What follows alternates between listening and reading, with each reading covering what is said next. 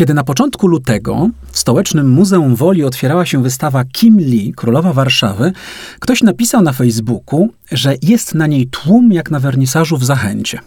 W rzeczy samej było tłumnie i można było odnieść wrażenie, że w niewielkim muzealnym budynku pojawiła się toute la. Skąd to wielkie zainteresowanie zarówno licznych zwiedzających, jak i mediów? Między innymi o to zapytam w tym podcaście Open Mic moją rozmówczynię, którą jest Magdalena Staroszczyk, kuratorka rzeczonej wystawy. Zapraszam do rozmowy. Majk Urbaniak.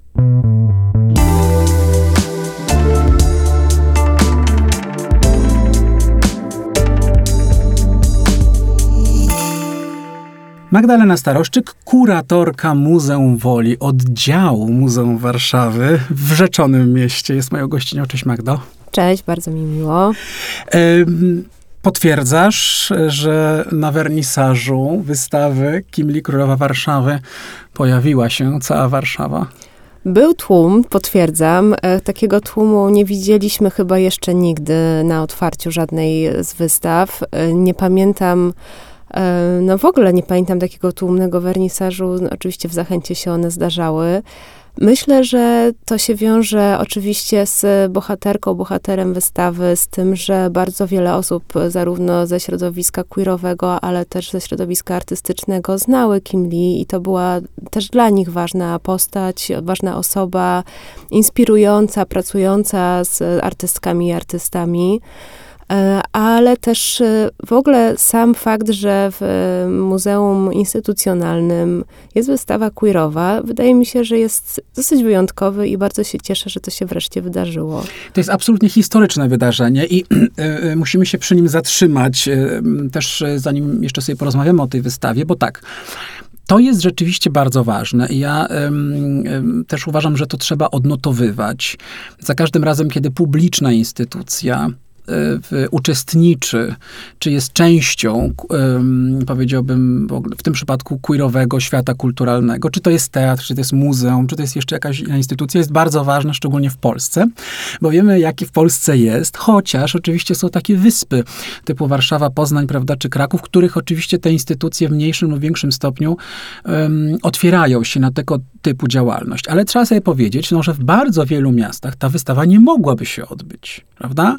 Nie wiem, czy się ze mną zgadzasz. Ja mam takie poczucie graniczone z pewnością, że jest parę, parę miejsc, w których no, bardzo trudno byłoby taką wystawę zorganizować, a nawet gdyby były tam osoby, które by chciały ją zorganizować, ty jesteś kuratorką e, Muzeum Woli, to na przykład nie zrobiłyby tego, bo by się bały reakcji, bo nie, wiedz, nie wiedzą, czy mają przyzwolenie z góry tak zwanej, etc., etc.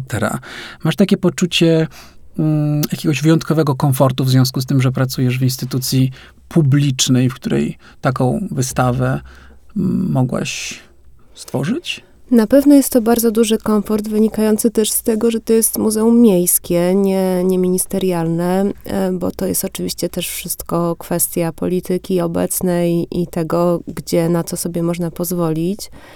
E, jednocześnie to jest muzeum, które opowiada historię miasta, historię mm, lokalną, e, więc nie jest e, to wystawa przede wszystkim poświęcona sztuce. E, pewnie można by było znaleźć jakieś muzea w różnych miastach, które poprzez sztukę bardziej opowiadają o queerze e, z wymienionych przez ciebie, ja może bym też dodała Białystok, bo jednak tam też się zdarzają e, wystawy. Arsenał. W Arsenale, Galeria tak, Arsenał. Mhm. Była tam Liliana Piskorska, Karol Radziszewski wystawiany. Więc rzeczywiście jest tak, że ten, ten queer, nieheteronormatywność zdarza się w instytucjach w Polsce, ale nie jest to łatwe, wiąże się z różnymi kontrowersjami. E, rzeczywiście tutaj mamy e, właściwie sytuację no tak, taką, że mm, władze miasta, mm, prezydent, e, jest karta LGBT podpisana, więc właściwie mamy podstawy do tego, żeby sądzić, że możemy robić wystawy o historii nieheteronormatywnej w Warszawie. Mhm. E, więc idąc za tym, ja zgłosiłam się z e, takim pomysłem. E, też mam świetny zespół w Muzeum Woli, to chyba mogę od razu powiedzieć. Pracujemy w bardzo małym składzie. W tej chwili nas jest pięcioro.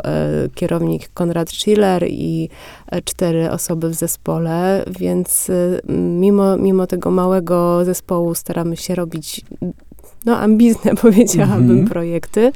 A Mały zespół w małym domku. Tak, w e, pałacyku. Bardzo, pałacyku, ja się śmieję ma, właśnie, że mały zespół w małym domku, bo pałacyk rzeczywiście szczególnie, e, że tak powiem, e, karłowacieje przy tej spektakularnej mm -hmm. architekturze, która, Wyrosła która wyrasta wokół na woli, właściwie każdego dnia nowy wieżowiec, więc on rzeczywiście wygląda jak malutki, muzeum wygląda jak malutki domek między tymi wszystkimi wielkimi budynkami.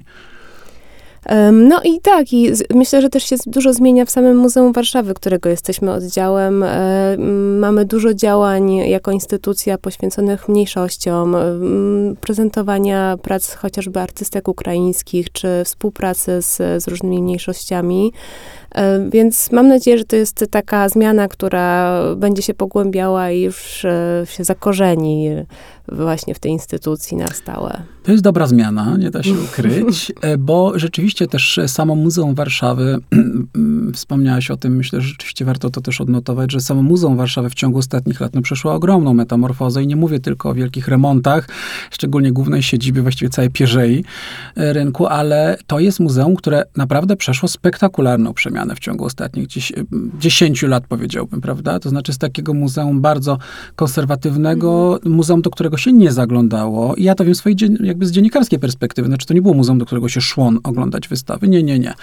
Po tych wszystkich przemianach, rebrandingu, jakby jakimś takim otwarciu okien w tym muzeum nastąpiła spektakularna zmiana, pokazująca też, jak fascynującą i ciekawą dziedziną jest historia Warszawy, Dokładnie. jak wiele historii jest do, do opowiedzenia, wychodzących poza taką, powiedziałbym, no właśnie taką linearną, tradycyjną opowieść o mieście, mhm. prawda? I to, co wy robicie w Muzeum Woli, no w jakiś fan, fantastyczny sposób się w to wpisuje to jest też e, taka inspiracja nie tylko właśnie opowiadania historii z przeszłości, ale myślenia w ogóle o dzisiejszym mieście, o przyszłości.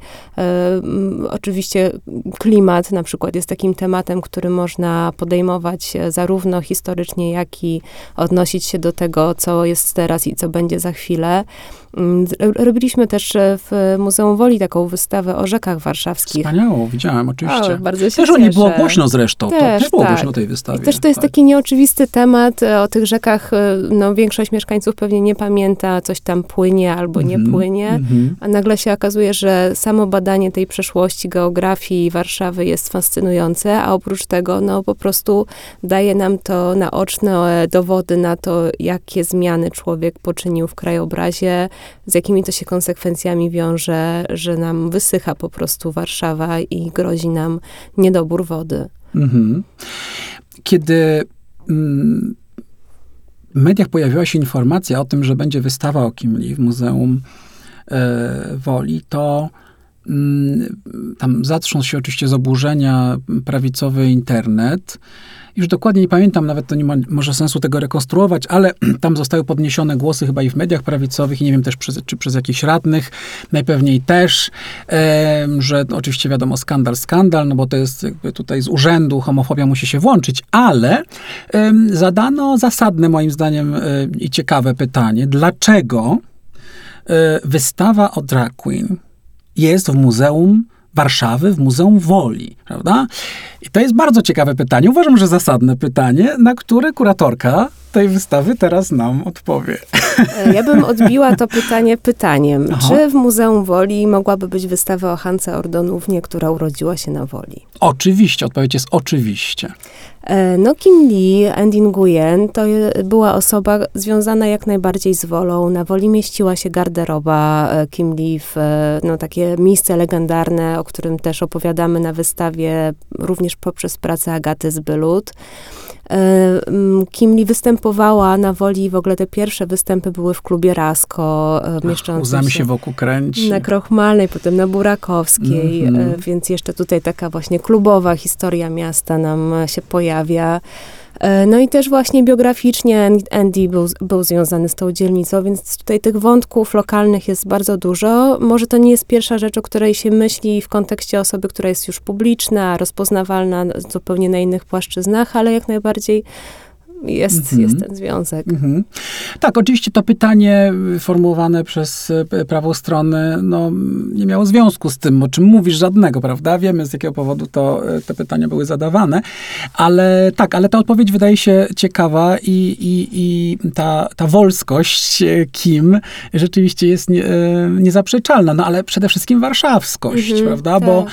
bo to jest rzeczywiście, Kim była drag queen, która no, w sposób jakiś nieprawdopodobny zrosła się z Warszawą. To jest zresztą absolutny fenomen, prawda? I też myślę, że ta ciekawość, tak sobie, tak sobie myślę y, z, y, w, te, w tej historii, jest też związana jednak z wietnamskim korzeniem, prawda? Bo, bo to zainteresowanie, wydaje mi się, przez lata, bo przecież Kim występowała i w teatrze, ja w teatrze oglądałem ją, i w jakichś różnych y, pro, projektach, klipach, gdzieś filmowo, film dokumentalny też powstał, prawda? Gdzieś Nie ustają- jeden. nie jeden zresztą właśnie. Wiesz, że to jest, myślę, że to zainteresowanie też no, w ogromnej mierze wzięło, bie- brało się z wietnamskiego korzenia, prawda? Bo byliśmy wtedy w Warszawie, te 20 lat temu, 18, 15, w no, zupełnie innej Warszawie niż ta dzisiejsza Warszawa, prawda? Chociaż ta społeczność wietnamska, ona już wtedy była znacząca i w ogóle jest bardzo ważną społecznością stolicy. Jest bardzo ważną, jest liczną społecznością, chociaż wciąż chyba nie ma takich oficjalnych danych odnośnie ile ona liczy osób. Y, Szacuje się, że w Polsce od 20 do 30 tysięcy, ale i większość y, W Warszawie. w Warszawie Mhm. mieszka właśnie. Natomiast no, to są takie szacunki ym, robione bez e, dokładnych danych, ponieważ tych danych ba- bardzo trudno jest je uzyskać. E, To jest też kwestia problemów, które Wietnamczycy mają w Polsce z uzyskaniem legalnego pobytu, z e, uzyskaniem obywatelstwa i to zarówno po stronie polskich władz, jak i ambasady wietnamskiej, która też nie ułatwia im wyrabiania dokumentów.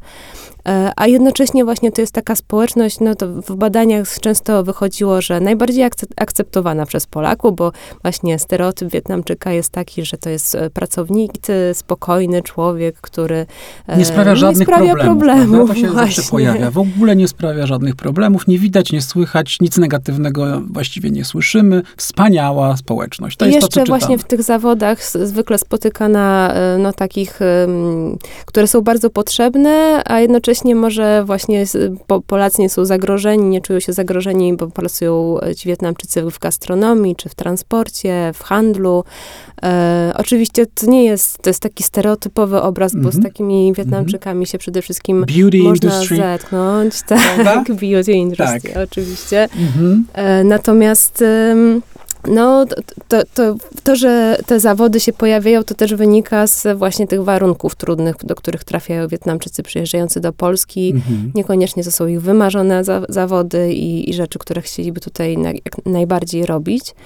Ale wielu z nich też prowadzi z sukcesem biznesy, e, tak jak właśnie Andy prowadził swój biznes przez lata sklepowy z, z pamiątkami z Azji.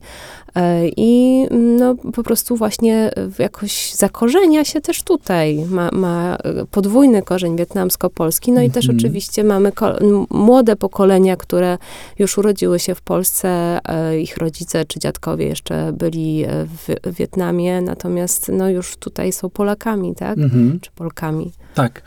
E, Pamiętam, jak e, e, już parę dobrych lat temu Andy był gościem e, w programie, już trudno to uwierzyć, że e, kiedyś był w publicznych mediach program, który się nazywał Homo Lobby, który prowadziłem z Maćkiem Nowakiem w Radiu RDC, czyli właściwie takim lokalnym, polskim radiem na Warszawę i Mazowsze. Mieliśmy program Homo Lobby. Naprawdę trudno w to uwierzyć dzisiaj. I Andy był naszym gościem i pamiętam, jak spadliśmy z krzesła, kiedy powiedział, że przyjechał tutaj studiować fizykę jądrową. Tak było. Tak było i pomyślałem sobie, no to się nazywa przebranżowienie, prawda? Z fizyka jądrowego na draku byłem absolutnie urzeczony tą historią, ale, ale taka jest prawda.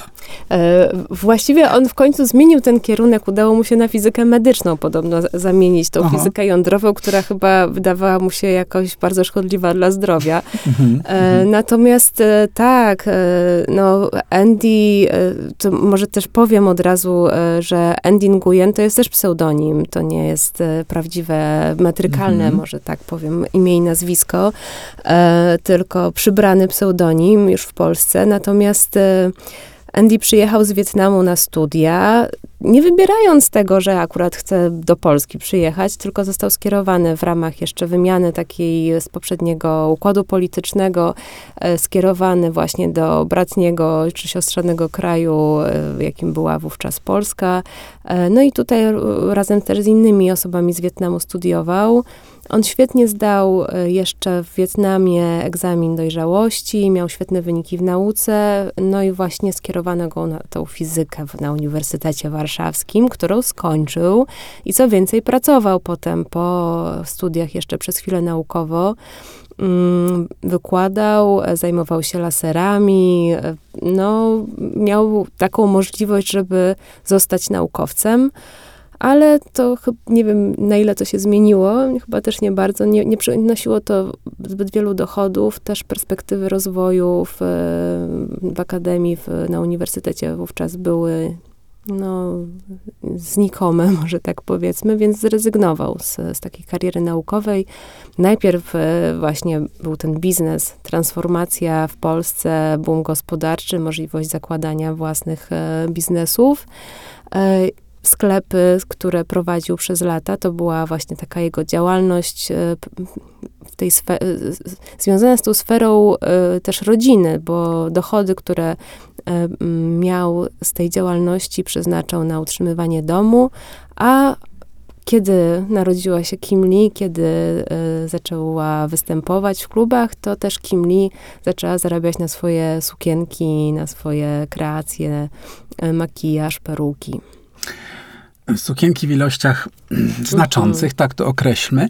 Ale zanim do tych sukienek, to jeszcze chciałem zapytać o jedną rzecz, ponieważ to jest wystawa, która mm, nie jest po prostu pokazaniem kreacji Kim, prawda? To jest wystawa, którą y, drapiesz i próbujesz się dokopać jak najdalej. Jest ten cały element historii wietnamskiej, w ogóle społeczności, prawda? W ogóle historia wychodząca znacznie poza opowieść o drag queen, która jest super ważna i oczywiście niezwykle atrakcyjna, ale ta, ta, ta, jest, ta, ta wystawa jest czymś więcej niż ta, takim po prostu kolorowym obrazkiem, powiedziałbym, w cekinach. Chciałem cię zapytać, czy miałeś trudność z, z, tym, z tym zdrapywaniem, zagłębianiem się w, w, jakby w życie Andiego, w to, w to przeistoczenie, w to jego funkcjonowanie też w Warszawie, bo też y, społeczność wietnamska zdaje się uchodzi za taką dość trudną tutaj w, w, tej, w takich eksploracjach, prawda? Wspomniałaś o tym, o, o imieniu Andy, które też jest właściwie pseudonimem. Właściwie tu mamy podwój, pseudonim na pseudonimie.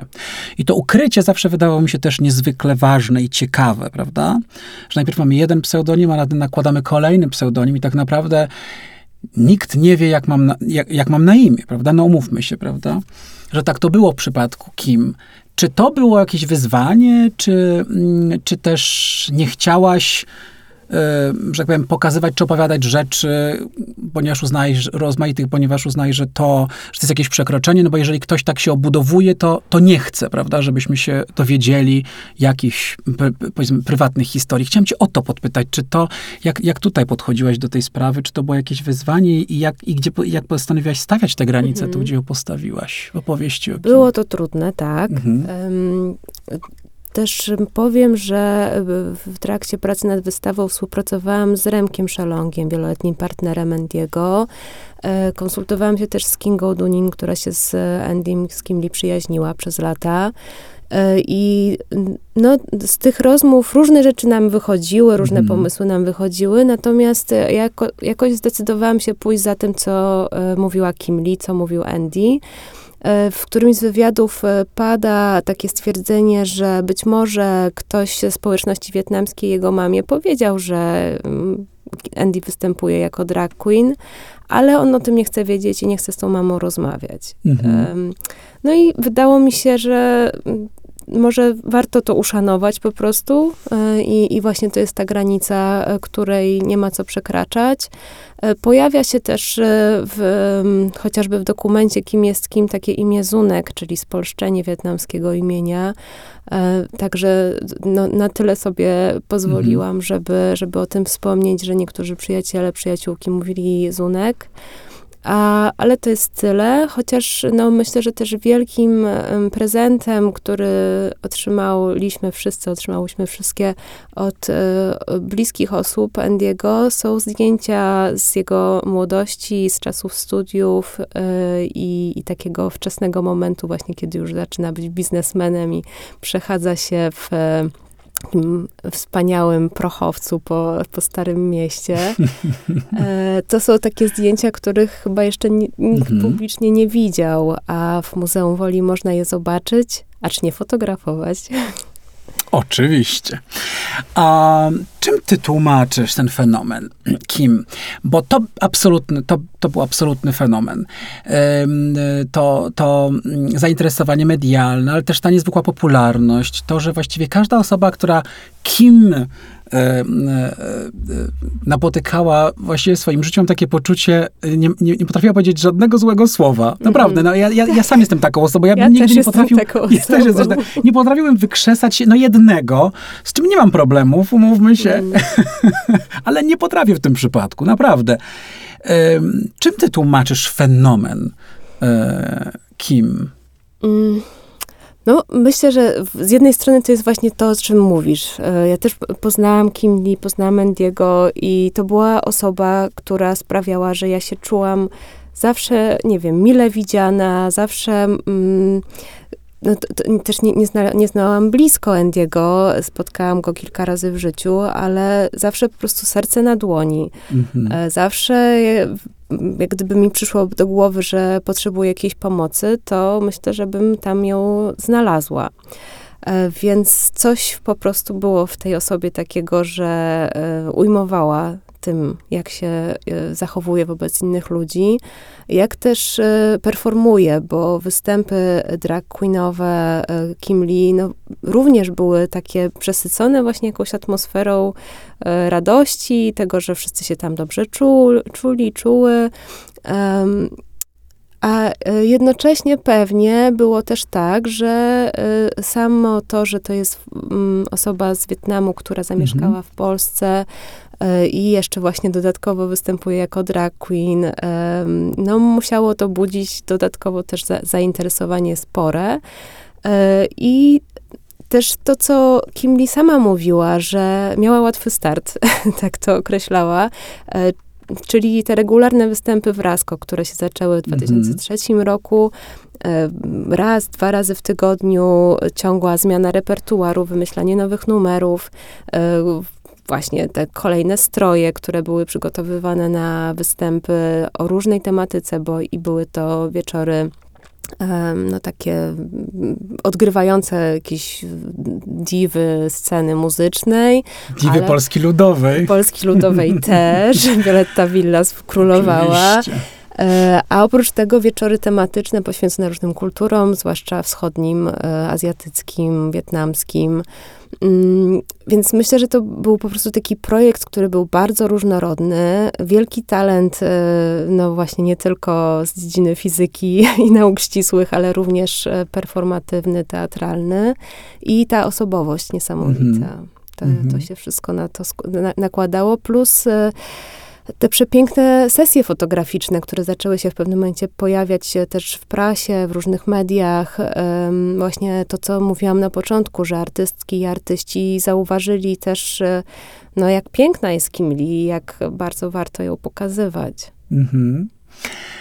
A legendy, absolutne legendy krążyły o ilości kostiumów mhm. Kim Lee pewnym, w pewnym momencie miałem chyba wyobrażenie, że połowę powierzchni magazynowej Warszawy najprawdopodobniej kim wynajmuje i tam trzyma swoje z podziałem na kolory swoje kreacje. No i tak sobie myślę, że dla kuratorki wystawy, która o tym na pewno też wie, to jest absolutna gratka.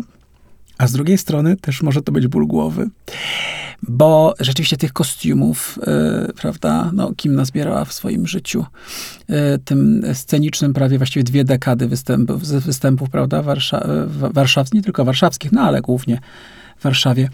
To, był, e, to była fascynująca podróż e, przez konfekcję e, szaloną, czy też no, dość duże wyzwanie. Jak sobie z tym poradzić? Powiedz proszę. To było wyzwanie przede wszystkim też dlatego, że wystawa była robiona no, niedługo po śmierci Kim Lee.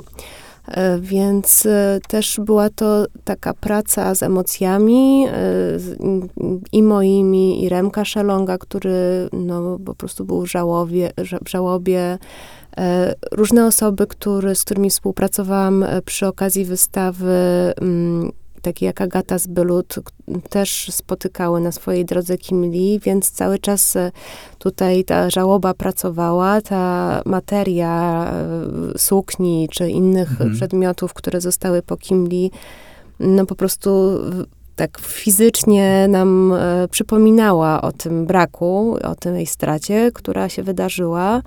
Więc też z tego względu to było bardzo trudne e, i mam wrażenie, że to jakoś jest obecne na tej wystawie, zwłaszcza w takiej dokumentacji robionej przez Pat Meets z, z wnętrza garderoby i z samych kostiumów już na manekinie ułożonych.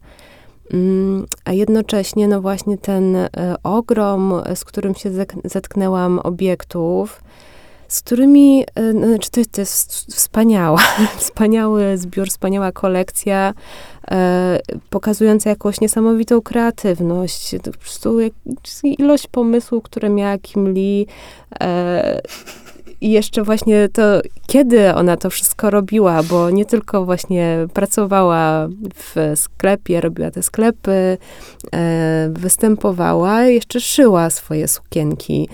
Niektóre może tam są kupowane i tylko przerabiane, ale bardzo, bardzo dużo jest takich kostiumów, które były od zera szyte i to są naprawdę niesamowite kreacje e, z, z pióropuszami, z mm, headpisami jakimiś bardzo skomplikowanymi, ale też e, dodatkami do samych ubiorów. E, trudno było mi wybrać oczywiście tych kilka strojów, które finalnie trafiły na samą wystawę poszłam za tym kluczem warszawskim e, mhm. i właśnie gwiazdami, e, które odgrywała Kim Lee na scenie, a które były w życiorysach swoich związane z Warszawą e, oraz za występami właśnie w klubach warszawskich i warszawskich teatrach, o których też już wspominałeś, chociażby no, ten spektakl Kim w teerze, jednocześnie łączy się z e, takim chyba zupełnie wyjątkowym kostiumem syrenki warszawskiej, w którym Kim Lee się pojawiała też w sesji fotograficznej nad brzegiem Wisły, jako taki nowy symbol stolicy. I które, który to kostium na wystawie w Muzeum Woli można, można zobaczyć, zobaczyć, przyjrzeć się, jak to jest zrobione, bo to też jest bardzo ciekawe, że to są proste dosyć materiały, e, które pod, po, po tym właśnie procesie twórczym Kim Lee e, w różnych zabiegach nagle stają się jakimiś olśniewającymi kreacjami.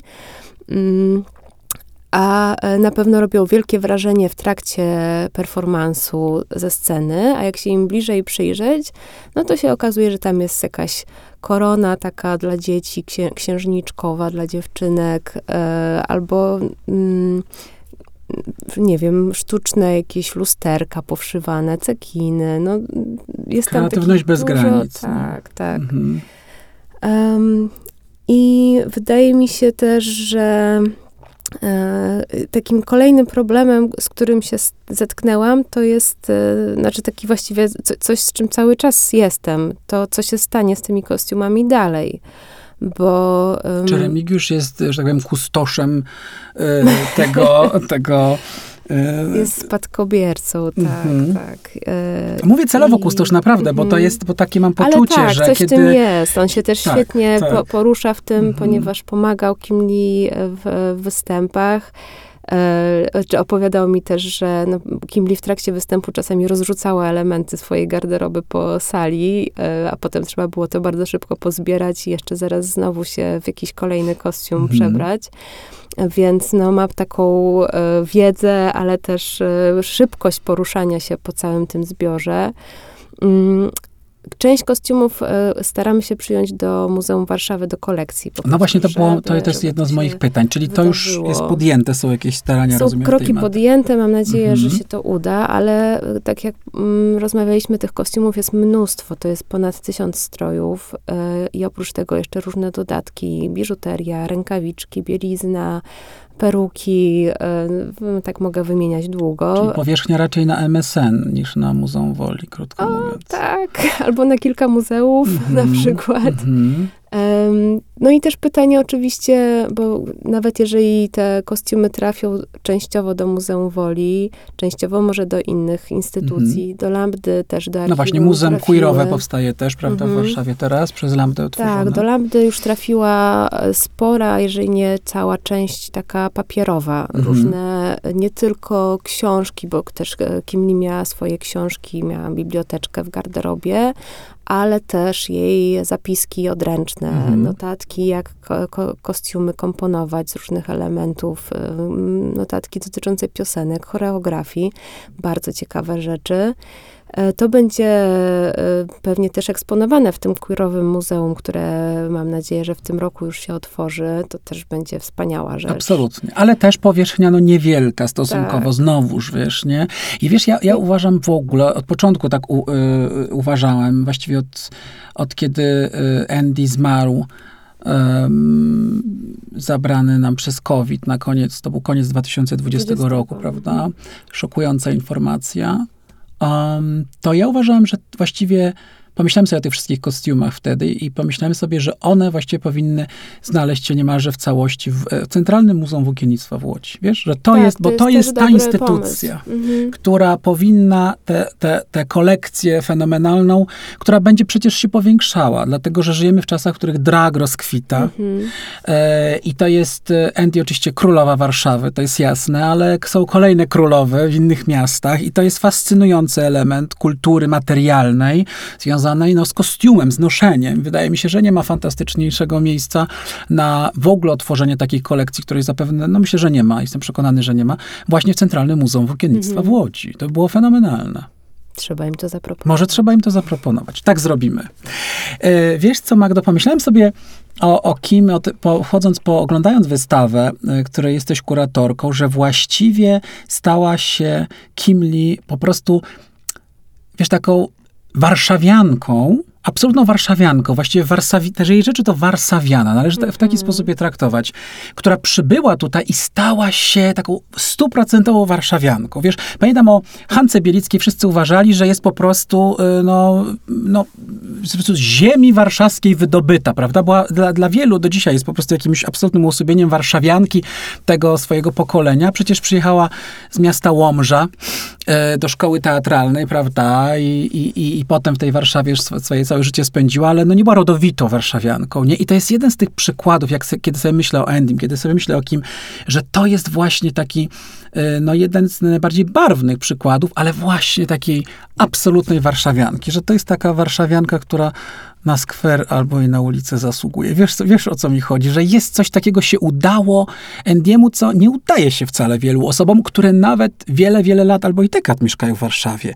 I mam poczucie, że ta warszawskość jest jakaś niesamowicie związana z, z Kim Lee. To prawda. y, Może doczekamy się takiego momentu, kiedy powstanie skwer, ulica Mhm. Imienia Kim Lee. To by było wspaniałe, absolutnie. Ja się zgadzam z tym, że, że ta warszawskość u Kim Lee była bardzo wyraźna. Choć oczywiście występowała też właśnie w innych miastach, też Jasne. za granicą Polski i mm, jest rozpoznawalna no, bardzo, bardzo szeroko. Mhm. A nasz podcast będzie w, kwietniu do posłuchania. Nagrywamy go trochę wcześniej, e, ale w, w tej wystawie towarzyszą e, rozmaite wydarzenia. E, Bo są i warsztaty rodzinne, i widziałem, są warsztaty tworzenia fantazyjnych koron, i są e, rozmaite oprowadzania, e, i kuratorskie twoje, ale też innych osób, prawda, które po wystawie e, oprowadzają. Są wykłady w końcu. E, Wystawa e, jest e, zaplanowana do 30 lipca. To jeszcze jest trochę czasu, można ją oglądać przez parę miesięcy. Cóż tam jeszcze za wydarzenia, powiedz, późno wiosennie, wczesnoletnie zaplanowałaś Wydarzeń przy okazji całkiem sporo. E, tu właśnie działamy zespołowo e, w Muzeum Woli z tymi wydarzeniami, a co więcej też we współpracy z Lambdą Warszawa. Mhm. E, Będziemy realizować wspólnie taki projekt Otwarta Historia, e, który mm, no właśnie kieruje nas w stronę opowiadania jak historii nieheteronormatywnych czy mniejszościowych w ogóle o mieście. E, I oprócz e, już wspomnianych warsztatów, e, między innymi z Bożką Rydlewską, to jest hit. Można sobie tam zrobić headpiece i potem wyruszyć niczym królowa na ulicę Warszawy. Będziemy też na Ten pewno... headpiece, to może to trzeba zrobić przepis moim zdaniem. To jest, gdyby wszyscy nie wiedzieli, co to oznacza. Ja bym powiedział, że chyba najlepszym odpowiednikiem polskim byłby fascynator. Prawda? Bo tak. to jest coś na jest e, ten, Mhm. ten, ten, to nakrycie głowy, jakiekolwiek by to było, że to jest coś w, w okolicy, prawda? Fascynatora. Teraz, teraz osoby słuchają, sprawdzają słowniku, co to jest fascynator. Mike postanowił wytłumaczyć, co to jest headpiece słowem fascynator. No dobra. Ignotum per ignotum. Proszę googlować i się zgłaszać do Muzeum Woli. Mhm. Poza tym będą też warsztaty z Agatą Zbylut, która e, w ogóle, no, je- jej praca też jest wa- ważną częścią wystawy. Prezentujemy jej archiwum fotograficzne elementów garderoby Kim Lee oraz taki, em, taką sesję fotograficzną, do której ona zaprosiła 22 osoby do tego, żeby założyły na siebie elementy strojów Kim Lee. E, I efekty tej sesji można też zobaczyć na wystawie. E, Sesja... no, nawet można przymierzyć co nieco na koniec. i można też przymierzyć Niespodzianka czekająca na osobę odwiedzającą. E, Mhm. Natomiast e, sama sesja w ogóle to jest też strasznie ciekawe, ciekawy pomysł na to, co można robić ze spuścizną po Kim Lee i właśnie z tymi strojami. Mhm. No bo one nie tylko muszą być zamknięte w magazynie muzealnym albo trafić na wystawę, mogą być też używane. Czy to przez e, inne drag queen, co się wydarzyło na pożegnaniu Kim Lee w kinotece rok po śmierci, czy właśnie przez e, zaprzyjaźnione różne osoby, które właśnie przymierzyły te elementy i to była bardzo ciekawa sytuacja, dająca jakieś, jakąś wolność, dużo radości. Mnie Agata Zblut też zaprosiła i no, to był ważny punkt ostatnich miesięcy w moim życiu z, z pewnością. Widziałem, widziałem ten outfit. Widziałem te, te, te, Te buty. te buty czerwone na Tak, obcasie. tak. Tak, tak. E, więc, e, że- żeby nie było tak, że tylko te osoby zaproszone mogą Mhm. się przebrać, e, to będziemy też robić warsztaty, na których znowu uruchomimy taką sytuację sesji fotograficznej. Agata będzie robić zdjęcia, będzie więcej jeszcze do przymierzenia tych kostiumów. Mhm. E, no i tak, to myślę, że będzie super. Zapraszam bardzo. Czyli mówiąc krótko, trzeba sobie wejść na stronę internetową Muzeum Woli i sobie sprawdzać ten kalendarz, bo te wydarzenia pojawiają się Tak. z, y, z wyprzedzeniem jeszcze- na kolejny powiem, czas. Jeszcze Mhm. powiem jedną rzecz O, proszę bardzo cię bardzo. ważną, no bo mamy tą współpracę z Lambdą Warszawa Mhm. i to, co e, dla mnie jest też ważne w tej współpracy, to jest taka wymiana kompetencji i jakie, jakaś wsparcie pomiędzy e, nasz organizacją, instytucją. E, No właśnie to muzeum queerowe, które Lambda będzie otwierała, to e, będzie na pewno świetne miejsce, jedyne w Polsce, chyba muzeum queerowe, Jedyne. jedyne. Przy ulicy Marszałkowskiej w samym centrum Warszawy. A e, Lambda cały czas prowadzi też archiwum, Mhm. do którego można przynosić pamiątki różnego rodzaju. Można też nagrać swoją historię nieheteronormatywną i właśnie w ramach tej współpracy będziemy między innymi organizować takie dyżury ze zbiórką pamiątek. Będzie można też przyjść i na przykład powiedzieć, mam ciekawą swoją historię do opowiedzenia Mhm. e, do, do nagrania do archiwum historii mówionej, więc e, tutaj też jest taki aspekt e, tworzenia tych kolejnych archiwaliów, obiektów historii, które będą potem jeszcze pokazywane. Wspaniale. E, nie mogę cię nie zapytać na koniec o jedną rzecz. Mianowicie o, o pracę osoby queerowej w publicznej instytucji, bo ty jesteś sama queerową osobą i pracujesz w publicznym e, publicznej instytucji w Muzeum Warszawy i e, z wielką radością obserwuję to, że coraz więcej queerowych osób pojawia się, wyautowanych naturalnie, bo przecież ich znacznie więcej, jak wiemy, ale są nie wyautowane, ale wyautowanych queerowych osób pracujących w instytucjach kulturalnych.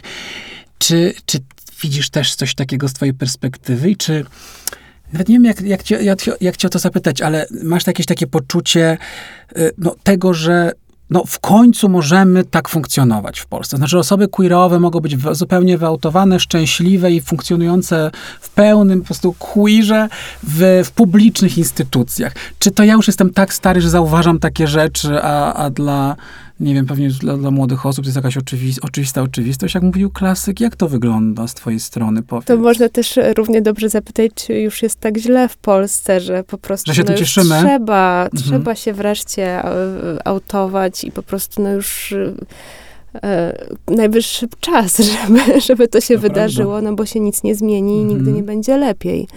E, ja trochę chyba tak o tym myślę, no, ale też e, no dla mnie to jest e, wspaniałe, że doszło do takiej sytuacji, w której mogę zrobić queerową wystawę w muzeum, w którym pracuję.